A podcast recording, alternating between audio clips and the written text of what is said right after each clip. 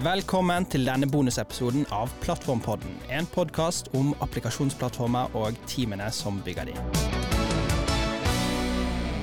Mitt navn er Hans Christian Flåtten, og med meg i studio har jeg Audun Faukaldstrand. Og i dag har produsenten vår bedt om ordet. Takk for det, eh, Hans Christian. Jeg har jo da eh, sittet i kulissene i podkastinnspillingene våre og hørt på dere snakke om eh, veldig mye relatert til plattformer. Og selv om jeg har en del teknisk kompetanse, så er jeg ikke jeg utvikler og, og kan ikke så all verdens mye om, om, plattformer, så jeg har notert meg ned en liste over ord og uttrykk som jeg er litt nysgjerrig på. Jeg prøvde jo på forrige uke å forklare til mor mi hva plattformpodden var for noe. Og det var en liten spennende øvelse, så jeg prøvde meg på å si det at uh, hun hadde et operativsystem på sin datamaskin, og på den så kunne hun installere programvare, mens en plattform eh, handler mer om et operativsystem for en, en stor organisasjon. Hvor mye bomma jeg med den forklaringa til mor mi? Jeg syns du traff ganske bra. Uh, jeg tenker jo at plattformen det er i hvert fall en operativsystem for den tekniske delen av en organisasjon. Det er jo masse ting som skjer i organisasjonen som ikke er innenfor det vi tenker på med en plattform. Men for den tekniske delen så syns jeg det er veldig riktig. Vi pleier ofte eller Jeg har ofte hørt folk beskrive Kubernetes, som jo er den mest sentrale komponenten, som operativsystemet til et datasenter. Altså mange datamaskiner. Eh, og det passer egentlig ganske godt med det bildet du brukte. Mm. Jeg pleier gjerne å snakke om en sånn byanalogi. Hvis du tenker på en by, så har du veier, du har strømnett, du har vann og avløp, og det er sammenlignbart med plattformen. Og så har du husene, som er da applikasjonene som bor i den byen. Og de er litt forskjellige.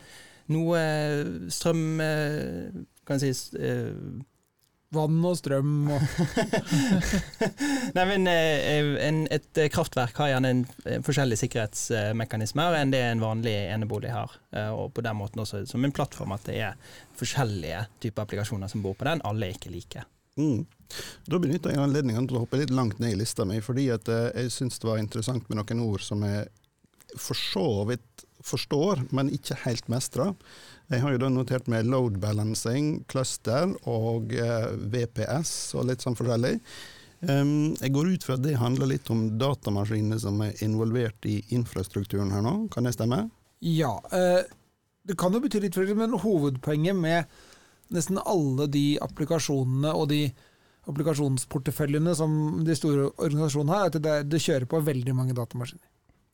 Du har ofte flere hundre datamaskiner liksom i bånn, og det drar jo på seg en del kompleksitet. Så et cluster er jo typisk flere datamaskiner. Cluster kan også kanskje være flere applikasjoner, men vanligvis pleier vi å si det er flere eh, datamaskiner. Og så vil man kjøre flere av applikasjonene sine for, eh, for å kunne være robust, sånn at hvis den ene går i stykker, så klarer fortsatt tjenesten å overleve. Og hvis du har flere applikasjoner, og alle skal motta trafikk, så trenger du å balansere eh, trafikken mellom de applikasjonene, eller balansere lasten. Og der er load balancing. Så det handler om å fordele trafikken fra brukerne over på forskjellige instanser av applikasjonen. Mm.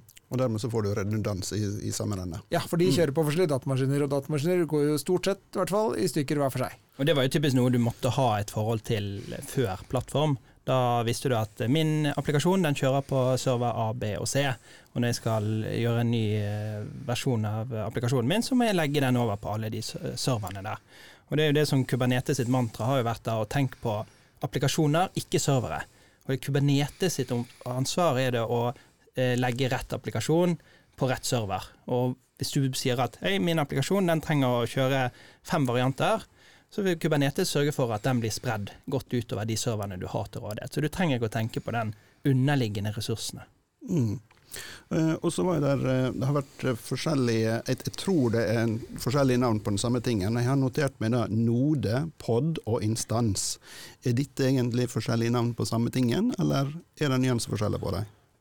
Det er litt forskjeller. For det første så har jo Kubernetes har sitt eget språk. Den har et API, som er sånn du kontrollerer de tingene som skal kjøre i Kubernetes.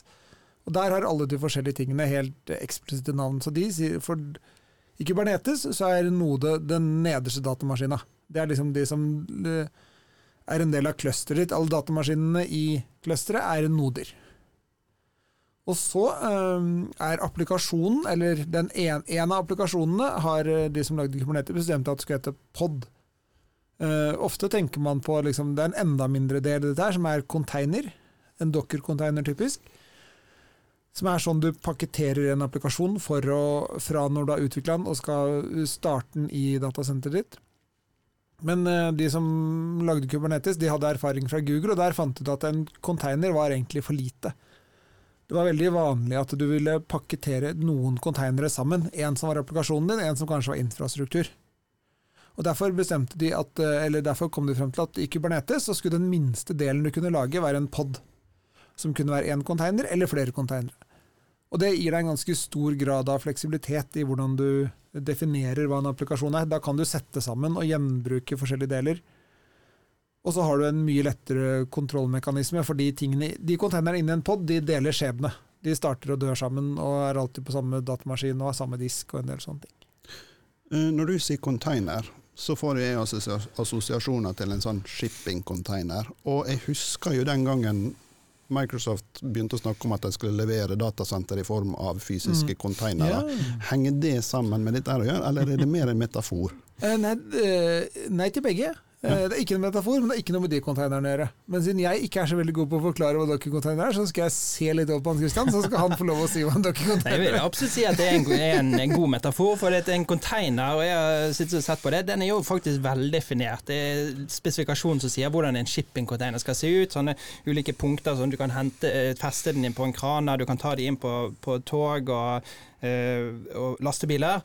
Og analogien er det samme i, eh, i applikasjonsverdenen. En container er jo noe du pakker en applikasjon inn i. Så der kan det ligge hva som helst. Det kan være sofaer og puter og eh, mat eller hvem vet hva. Altså ulike programmeringsspråk. Hvordan applikasjonen din er sydd sammen, spiller ikke så mye rolle. Du legger den inn i den konteineren, pakker den fint inn, og så kan du shippe den videre. Så det er en håndfast Eller hva skal jeg si, det, det er en, en veldefinert måte å ta en applikasjon fra et sted til et annet og kjøre den. Uten å måtte trenge å vite hva er det som faktisk er inni her. For Tidligere så måtte man ha eh, installert rett eh, versjon av eh, rett programmeringsspråk eller kjøretidsmiljø, rett versjon av det. Sant? Si at du skal ha en Java-app. Da, da, kan den kun kjøre på en Java-server. Og har du en .NET-app, så må den kjøre på en server som har .NET installert. Mens med containere så er det eneste du trenger, er denne containerkjøretidsmiljø, eller Dokka, som kanskje folk er mest kjent med, og som også Kubernetes støtter. Så at du pakker den inn i denne ene containeren, gir den til Kubernetes, så kan Kubernetes kjøre den. Ja, det, eh, hadde dere kun sett meg nå, så hadde dere sett ei lyspære over hodet. bare sånn ding! Altså Det er på en måte en standardisering av utsida av den, da, sånn at eh, dette kan passe inn hvor som helst. Ja, og, og så er det, utsiden er det det, og på innsiden er det kanskje den letteste formen for datamaskin. Det er på en måte en Linux-datamaskin som er beskrevet, som inneholder applikasjonen.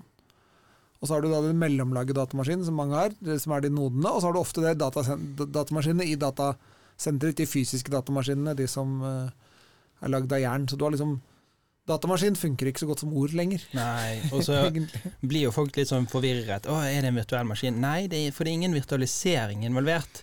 Fremdeles så kjører eh, applikasjonen din rett på mm. den underliggende serveren. Han er bare avgrenset fra. Så den containeren den ah. finnes egentlig ikke i Ok.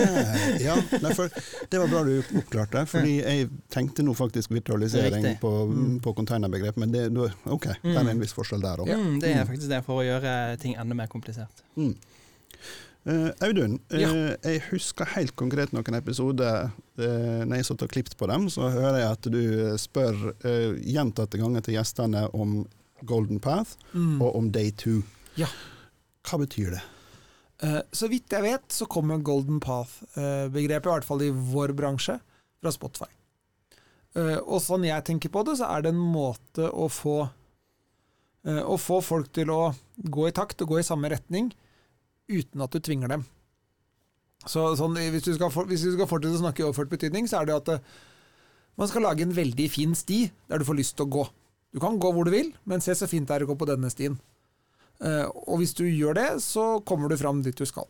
Og hvis du oversetter det til liksom, plattform- og teknologibegrepet, så er jo eh, Enten så kan du si at det er veldig mange måter å kjøre en applikasjon på, det er veldig mange måter å gjøre lastbalansering på, det er veldig mange måter å gjøre logging på.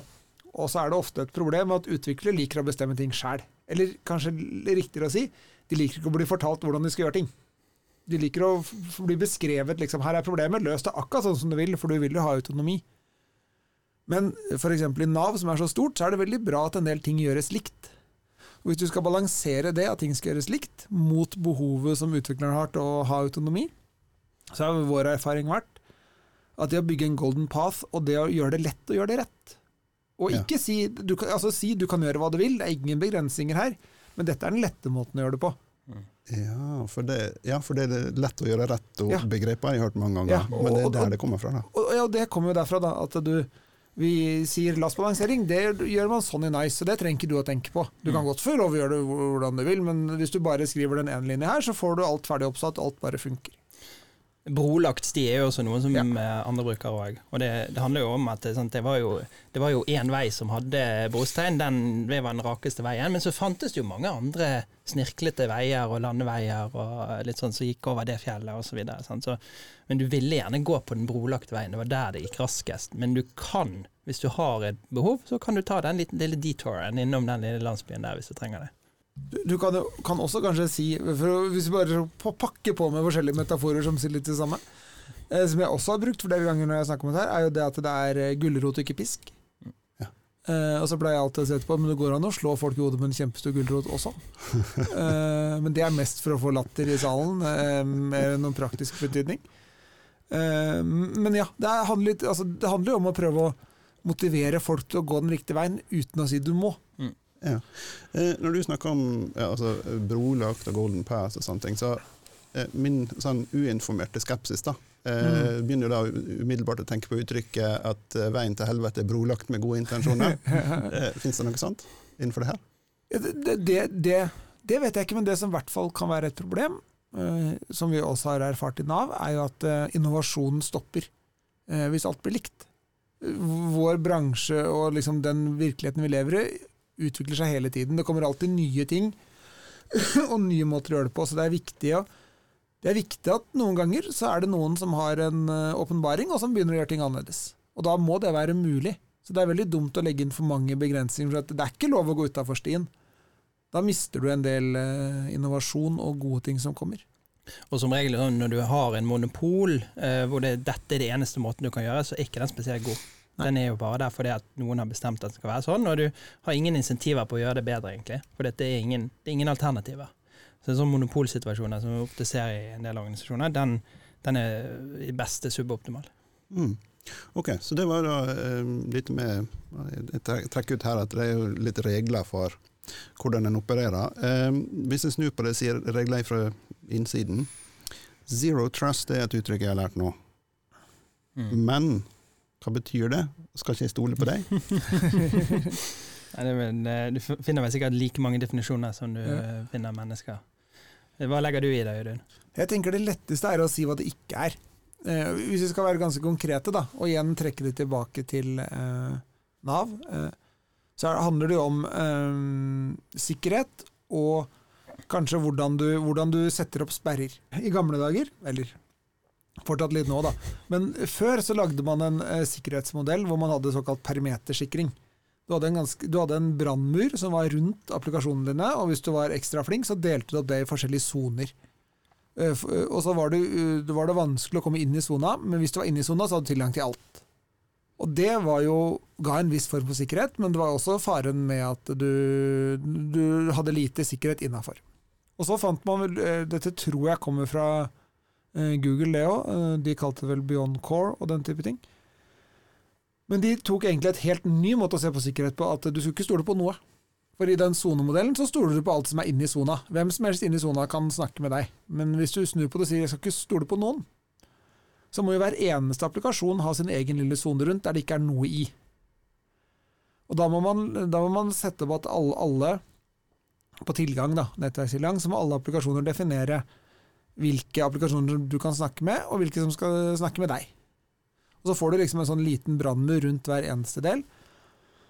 Uh, og, så kan du dra konseptet videre til hvordan utvikler skal få tilgang. Du skal ikke ha store VPN-er. Du skal liksom hver eneste Du skal aldri stole på at noen andre gjør den sikkerhetssjekken du mener skal gjøres. Den må være sammen med det du lager. Det er vel kanskje det Har du hørt om historien om den trojanske hesten, Tore? Ja. ja Og det er litt det samme, sant? at du, du lurte deg på, inn forbi portene, og så var, var slaget over. Mm. Da, det var sikkerhetsbarrieren den dagen, den tiden. Mens eh, i et eh, Zero Trust-nettverk så kan du tenke deg at ja, vi har gjerne den ytre muren, men så har vi mange murer innvendig òg. Hvert hus har sin mur. Så det nytter ikke bare å komme forbi den eh, hovedporten. Da må du fremdeles bryte ned eh, dører og, og sprenge deg inn til, eh, til der, der hvor du faktisk skal eh, til syvende og sist. Og så er det utgangsdør, og så er det til og med dør til doen. Mm. Hvert rom. Ja, og Døra til doen, der er det lås, for der er det ekstra viktig at ingen kommer inn. Du, du, du kan jo liksom ha forskjellig Det betyr også at du kan i større grad velge hvilket nivå du skal legge deg på. Mm. Eh, Når du har mange barrierer, så kan du si dette, er, dette skal alle ha tilgang til. Mm. Og så har du muligheten til å gjøre det, ja, fordi det er noe som alle bruker. Og ta tilbake igjen til bymetaforen. sant? Altså, eh, Personboligene våre de har vi lås på ytterdøra, men så har de fleste av oss ikke lås på doen. Altså I hvert fall ikke fra utsiden. men eh, så kommer du til eh, Nav sitt kontor, hvor vi sitter i dag. Sant? Her er det ekstra. Sant? Her må du ha adgangskort for å komme inn på de ulike rommene oppe i etasjene. Sant? Og så har du på politiet, da må du gjennom sluser, og du har enda strengere rom. Ingen, i hvert fall veldig få, har tilgang til. Sant? Og eh, etter hvert som det blir mer og mer eh, kanskje kritiske bygg, så er det strengere og strengere sikkerhet. Og det er litt samme tankegangen der, at alle applikasjoner er ikke like. Og det er en svær feiltagelse å si det at ja, men her kutter vi alt over én kam, eh, og, og den er kjempehøy, og gjør til at å, det, men det, det er så unødvendig. Heller sett inn støtet der hvor det virkelig er. Men likevel tenker jeg at vi skal ha en viss grad av sikkerhet på alle applikasjoner, men så skal vi ha ekstra sikkerhet der hvor det er, trengs. Det er jo en veldig fin måte å drive skadebegrensning på også, dette da, egentlig. Mm. Mm. Jeg hopper videre på lista mi. Jeg har notert et ord her nå. Service mesh. Hva er det? Ja, Det er jo en måte å implementere spesielt de reglene om tilgangskontroll til applikasjoner. Eh, Så jeg gikk glipp av en Segway, egentlig, å snakke om sikkerhet. ja, på en måte, men Ja. det, hadde vært, det hadde blitt komplisert, det òg, sikkert. Eh, Fordi når man da skal definere disse reglene, så må man på en eller annen måte ha noe software som kan implementere definisjoner, altså som faktisk kan stoppe. Og det eh, en service manager gjør, er jo å lage et sånn, eh, et sånn lag i nettverket, der du kan lage de reglene som opererer på applikasjonsnivå. Vanligvis så pleide man å ha den type regler på nettverks- eller IP-nivå. Men i en verden hvor du har disse konteinerne, og du har flere instanser, og de er mer dynamiske, de hopper rundt fra datamaskin til datamaskin, og det er mange av dem, så funker ikke det helt. Da, da vil du egentlig snakke om applikasjon A skal ha tilgang til applikasjon B. Og da måten de har gjort det på, er jo da å bruke Det er allerede blitt flere forskjellige måter å gjøre det på. Enten så kan du lage nye containere inn i poden, som vi var innom i stad, eller så kan du bruke finurlige mekanismer i Linux-kjernen. Men poenget er at du, du trenger egentlig en, en eller annen proxy som all trafikken inn og ut av applikasjonen går gjennom, og en mulighet til å lage regler for den proxyen. Mm, og proxy, det vet jeg hva jeg vet. Ja, For det er er, det er en mellomdatamaskin som ja. Så det du egentlig bare trenger, er å sette regler. Du, du, lager, du lager veldig mange bitte små brannmurer som du konfigurerer mye mer spesifikt for hver applikasjon. Og så kan de gjøre en del ting andre ting òg, Ja, sånn det F.eks. at eh, for eksempel eh, retry, og det å prøve på nytt igjen hvis en request feiler. Altså, her snakker vi om ganske avansert uh, funksjonalitet som ikke så veldig mange bruker. Og jeg tror nok for veldig mange så er service match litt overkill. Ja. Jo, også Den andre tingen som er veldig nyttig, er at når du har et sted hvor all nettverkstrafikken går gjennom, så kan du telle. Mm. Mm. Du kan eh, telle feil og trafikk og antall requester og alt mulig sånt på en helt uniform måte, så du slipper å lage den logikken på alle steder. Du har den bare ett sted. Mm. Og det er liksom tilbake igjen til det at disse konteinerne kan være det kan være Java, det kan være Python, det kan være Node.js, ulike programmeringsspråk. Så det å så ha standardiserte måter å kontrollere en del av den trafikken og kunne forme den, det kan være nyttig i en del sammenhenger. Mm, mm. Jeg har også notert meg her et ord, og jeg merker at jeg ikke forstår det ordet, som var vanskelig å bygge en Segway til det, men operators, og og også jammeldreier har vært nevnt yeah. noen ganger. Da begynner vi å komme på ganske komplisert uh, Kubernetes, men skal vi se hvordan vi skal klare å komme oss til operators, da. Uh, Kubernetes hadde jo det API-et, som er det som styrer hvordan applikasjonene kjører, hvordan de deployes, hvordan trafikken rutes, alt det der. Og det API-et, det kan man enten liksom bare bruke enkelt, eller så kan man lage kode som snakker med det API-et. og det er egentlig det operators er. Det er eh, applikasjoner som styrer Kubernetes, sånn at du kan automatisere eh, det du har lyst på å gjøre ofte i en sånn verden. Hvis du har en hvis plattformen din har en veldig komplisert deployment-mekanisme, du må kanskje deploye Du har et globalt uh, en global tjeneste som skal deploye klokka åtte på lokal tid. Så trenger du noe kode som skjønner hva Som liksom kan tidssoner, og som styrer disse kallene, og som jobber i Kubernetes og deployer her og der.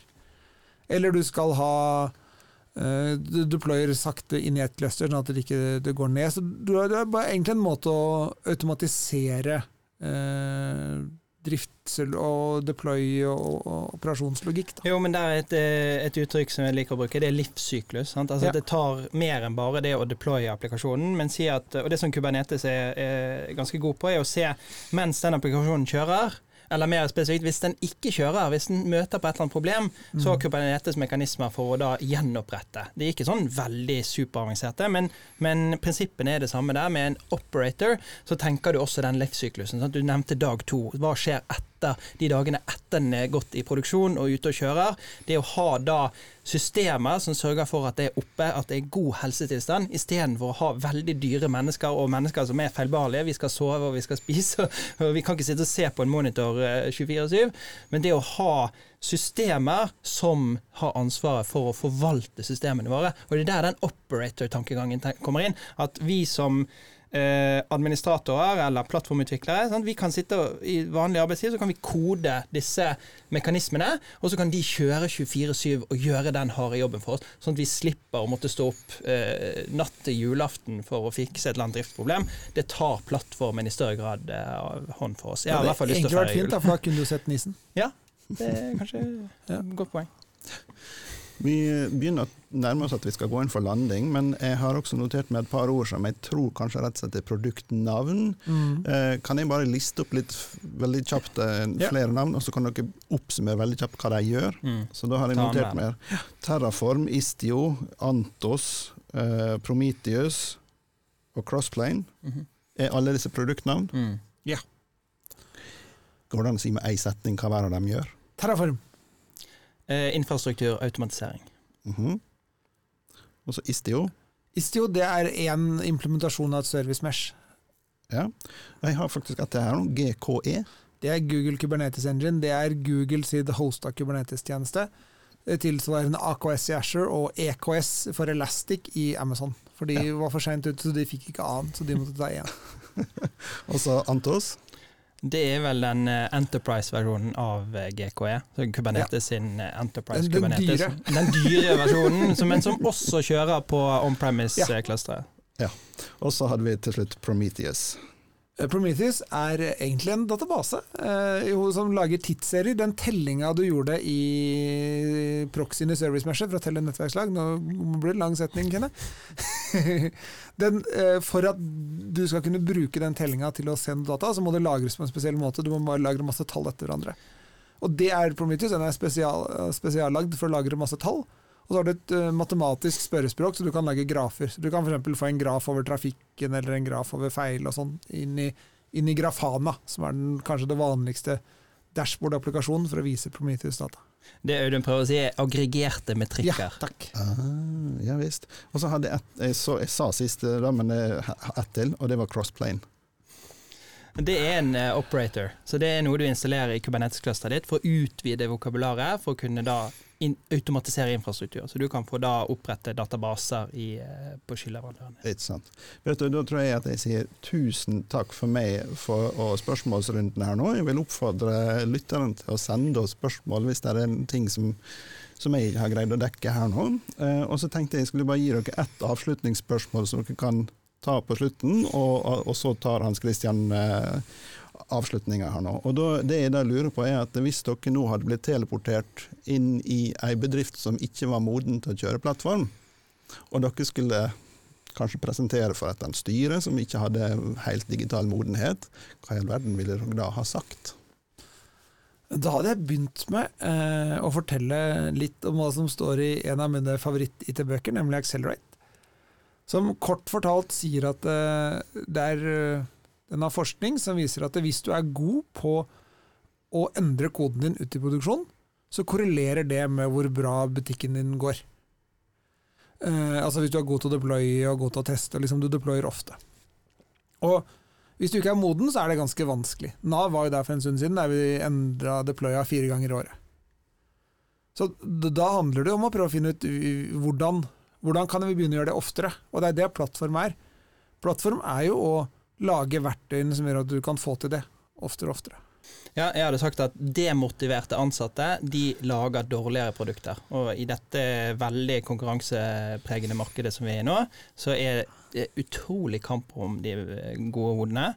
Eh, og hvis du da vil ha de flinke folkene, og de faktisk skal lage gode produkter, så er du nødt til å tilby de gode verktøy og en god måte å jobbe med applikasjonsutvikling. Da. Og det er liksom selling point for plattform. Og med det så avslutter vi denne bonusepisoden. Tusen takk til dere som har lyttet på oss i dag. Mitt navn er Hans Christian Flåtten, og med meg har jeg Audun Faukal Strand. Teknisk produsent er Tore Gresdal. Lik og subscribe der hvor du finner podkaster. Vi er på LinkedIn. Følg oss på plattformpodden.no. Tusen takk for oss.